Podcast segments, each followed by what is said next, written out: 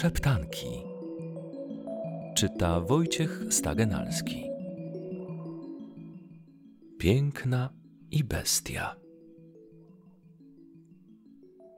W dalekiej krainie wschodu mieszkał bardzo bogaty kupiec wraz z trzema córkami.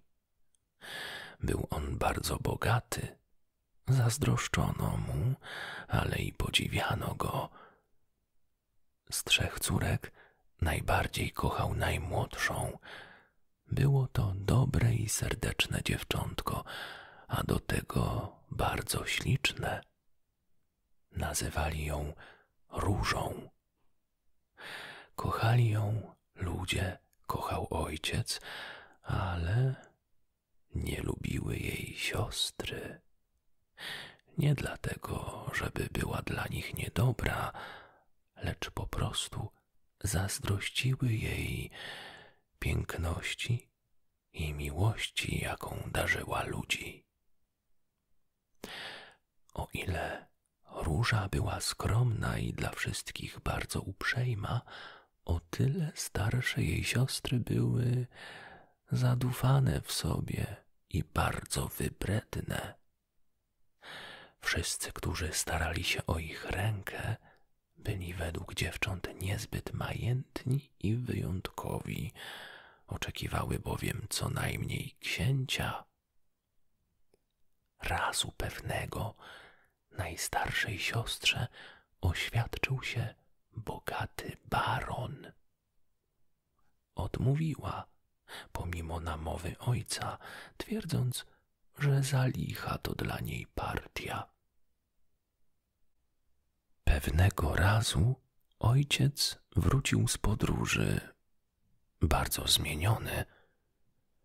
Na twarzy jego malowała się bladość i rozpacz, gdy podszedł do swych córek. Dzieci moje, odezwał się kupiec, spotkało mnie nieszczęście. Nie mów nam o tym, ojcze. Nie chcemy nawet słuchać o żadnych nieszczęściach. To rzecz twoja, nie nasza, zawołała najstarsza. Nie chcemy słuchać niczego smutnego. Zachowaj dla siebie przykrości, dodała średnia. Róża nie powiedziała ani słowa. Objęła tylko ojca za szyję i przytuliła się do niego z miłością. Drogie dzieci, przerwał milczenie zmartwiony kupiec. Nie jestem już bogaty. Straciłem wszystko do ostatniego grosza. Nie możemy już mieszkać w tym pięknym pałacu. Musimy się przenieść do małego domku, a że służby trzymać nie jestem już w stanie, same musicie sprzątać, gotować i szyć swoje suknie. Ach, ja nieszczęśliwa, zawołała najstarsza. Czemuż odrzuciłam rękę barona? Byłabym wielką damą, a teraz kim zostałam? Służącą.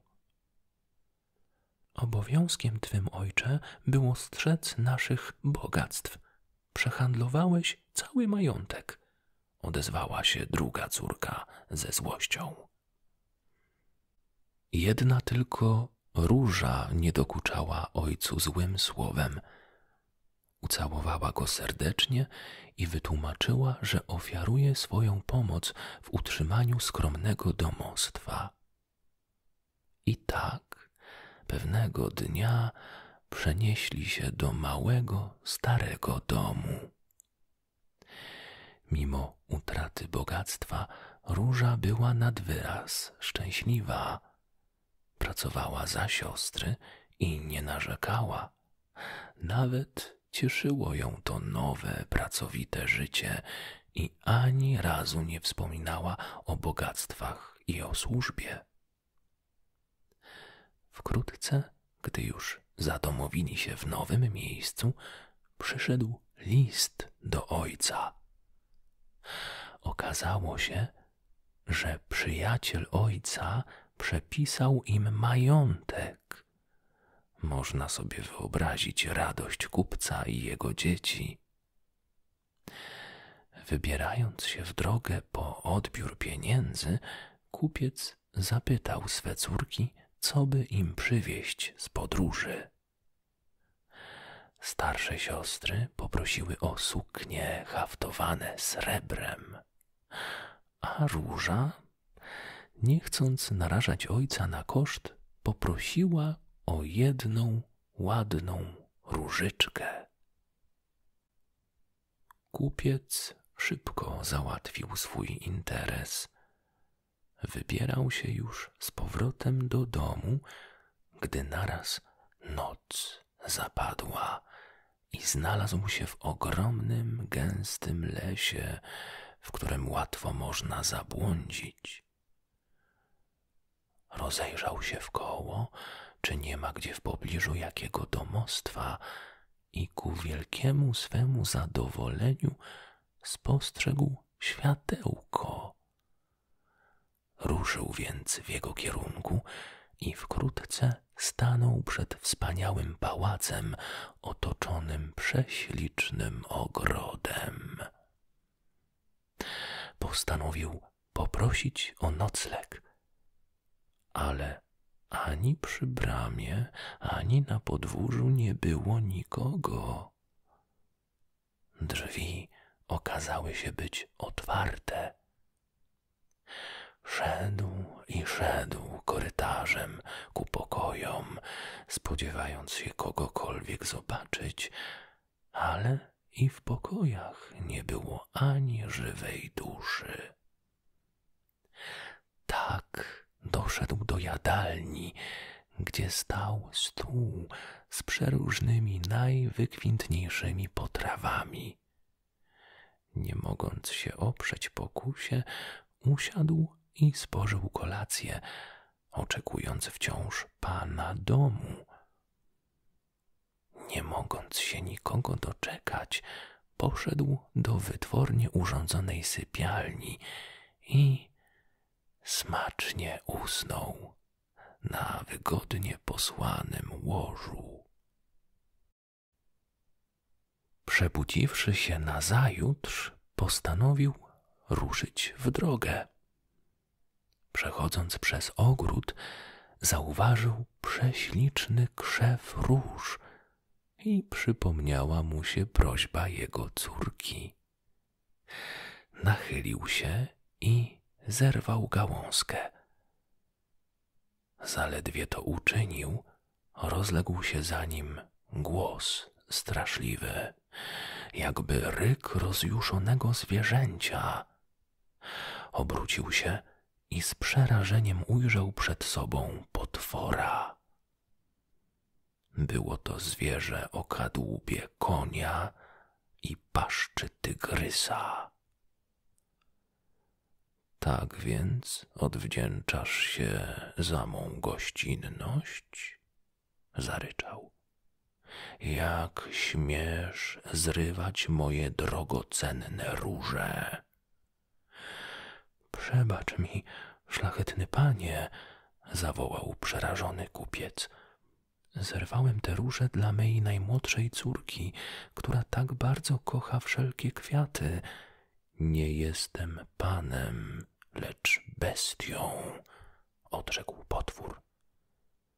Nie daruję ci tego, lecz wnet pożrę. Przygotuj się na śmierć. Pozwól mi przynajmniej pożegnać się z mymi trzema córkami, prosił kupiec. Powrócę do ciebie na pewno, a wtedy masz córki? Hmm. A więc posłuchaj, co ci powiem. Będziesz wolny, jeśli jedna z twoich córek poświęci się i przybędzie tu do mnie na służbę. Będzie opiekowała się krzewem róż, któryś tak zniszczył. A jeżeli nie, to cię odnajdę i zginiesz przez pożarcie. Kupiec nie miał wyjścia. Musiał się zgodzić i wkrótce powrócił do domu. Zaledwie wszedł do pokoju, a róża poznała, że stało się coś złego jej kochanemu ojcu. Gdy opowiadał o bestii, starsze córki słuchać nie chciały, a róża ze łzami w oczach oznajmiła, że pójdzie służyć bestii, byleby mogła ocalić ojca.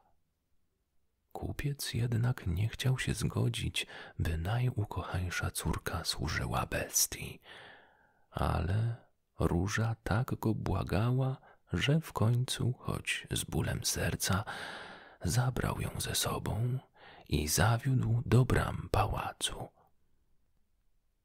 Siostry udawały wielki żal i zalewały się łzami, ale w głębi zadowolone były, że najpiękniejsza z nich odchodzi na zawsze z domu. Po długiej podróży dotarli do bram pałacu. Tatku kochany, czas się pożegnać.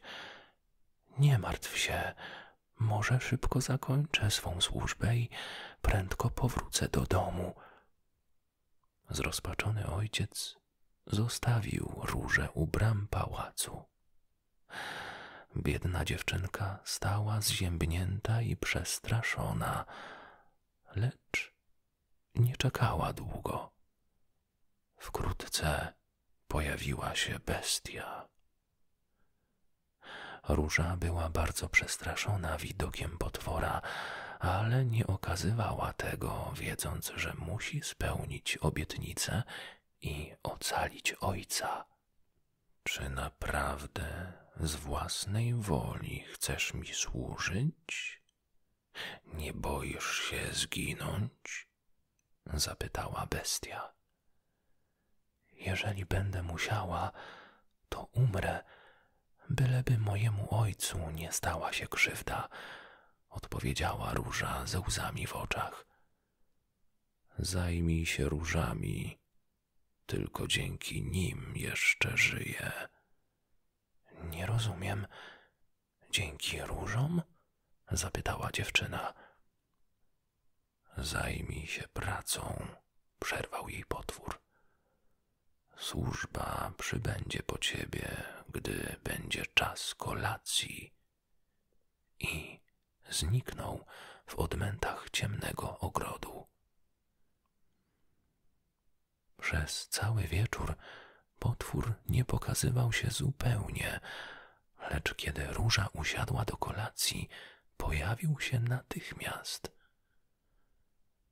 Czy pozwolisz mi zjeść z tobą kolację? zapytał. O Boże, jakiż on straszny, pomyślała, ale natychmiast odpowiedziała uprzejmie.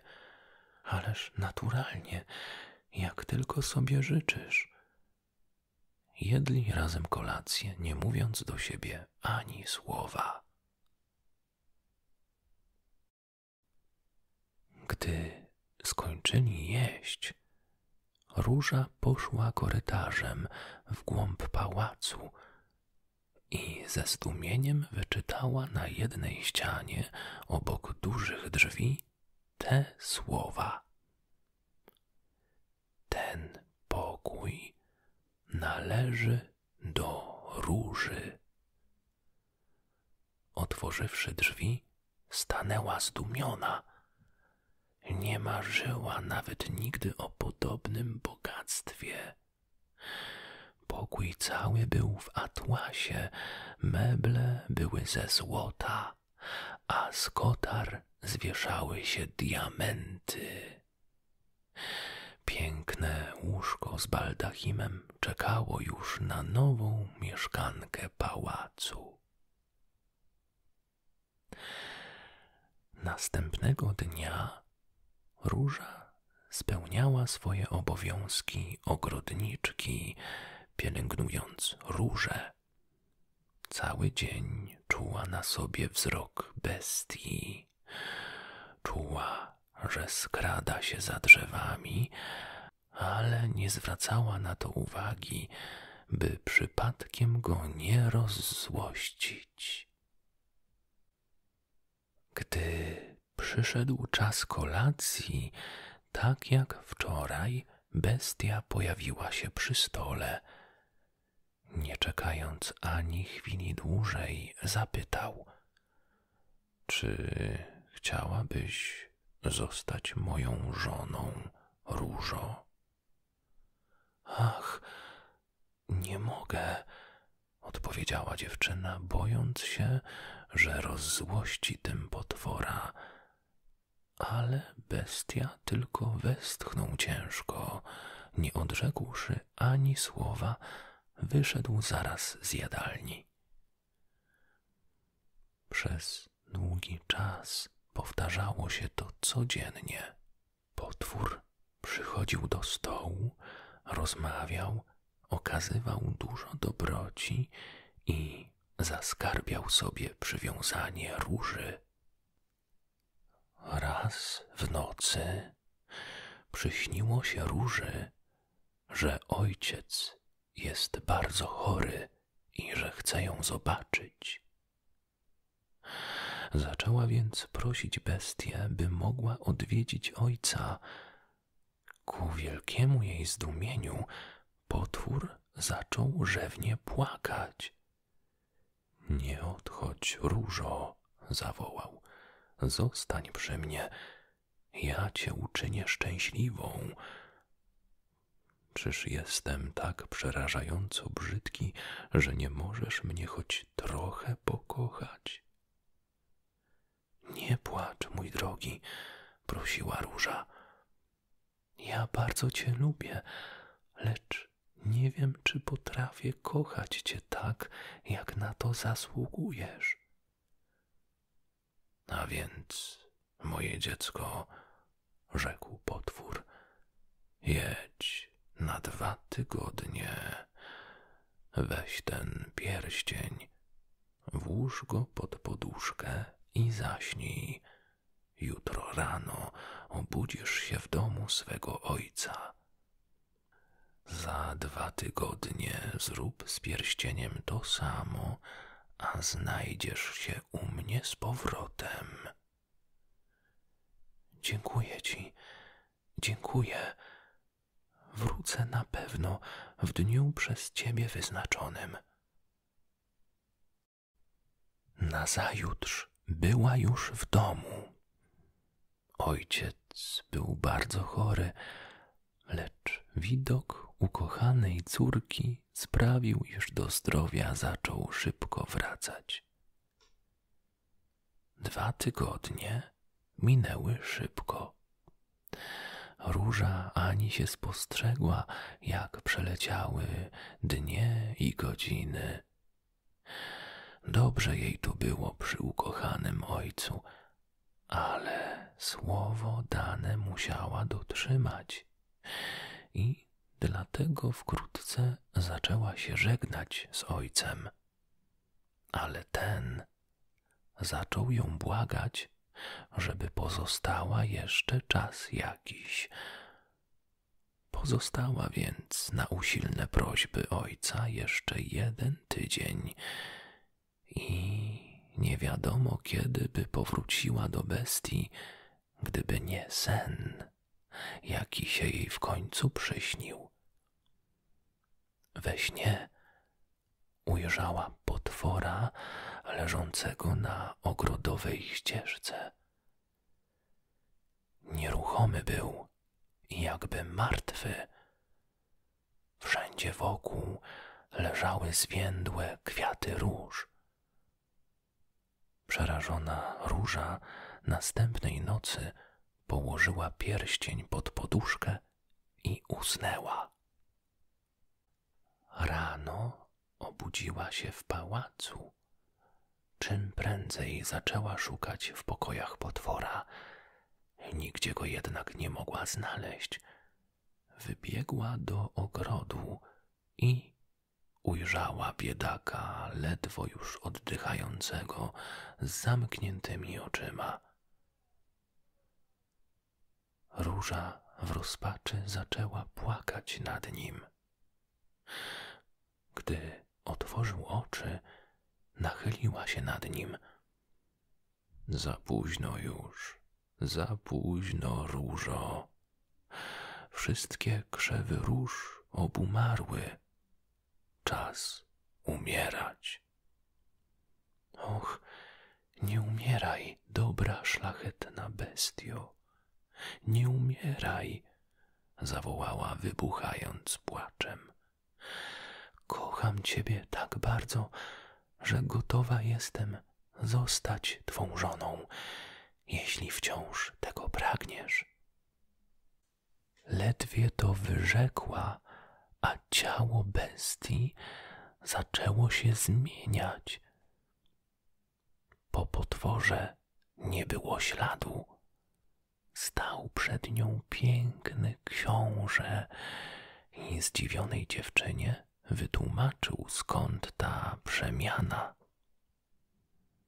Zły czarodziej niegdyś zaczarował go w bestię i miał nią pozostać, dopóki która z młodych dziewcząt nie zechce być jego żoną. Wkrótce wezwano ojca i siostry, a w pałacu wyprawiono huczne wesele.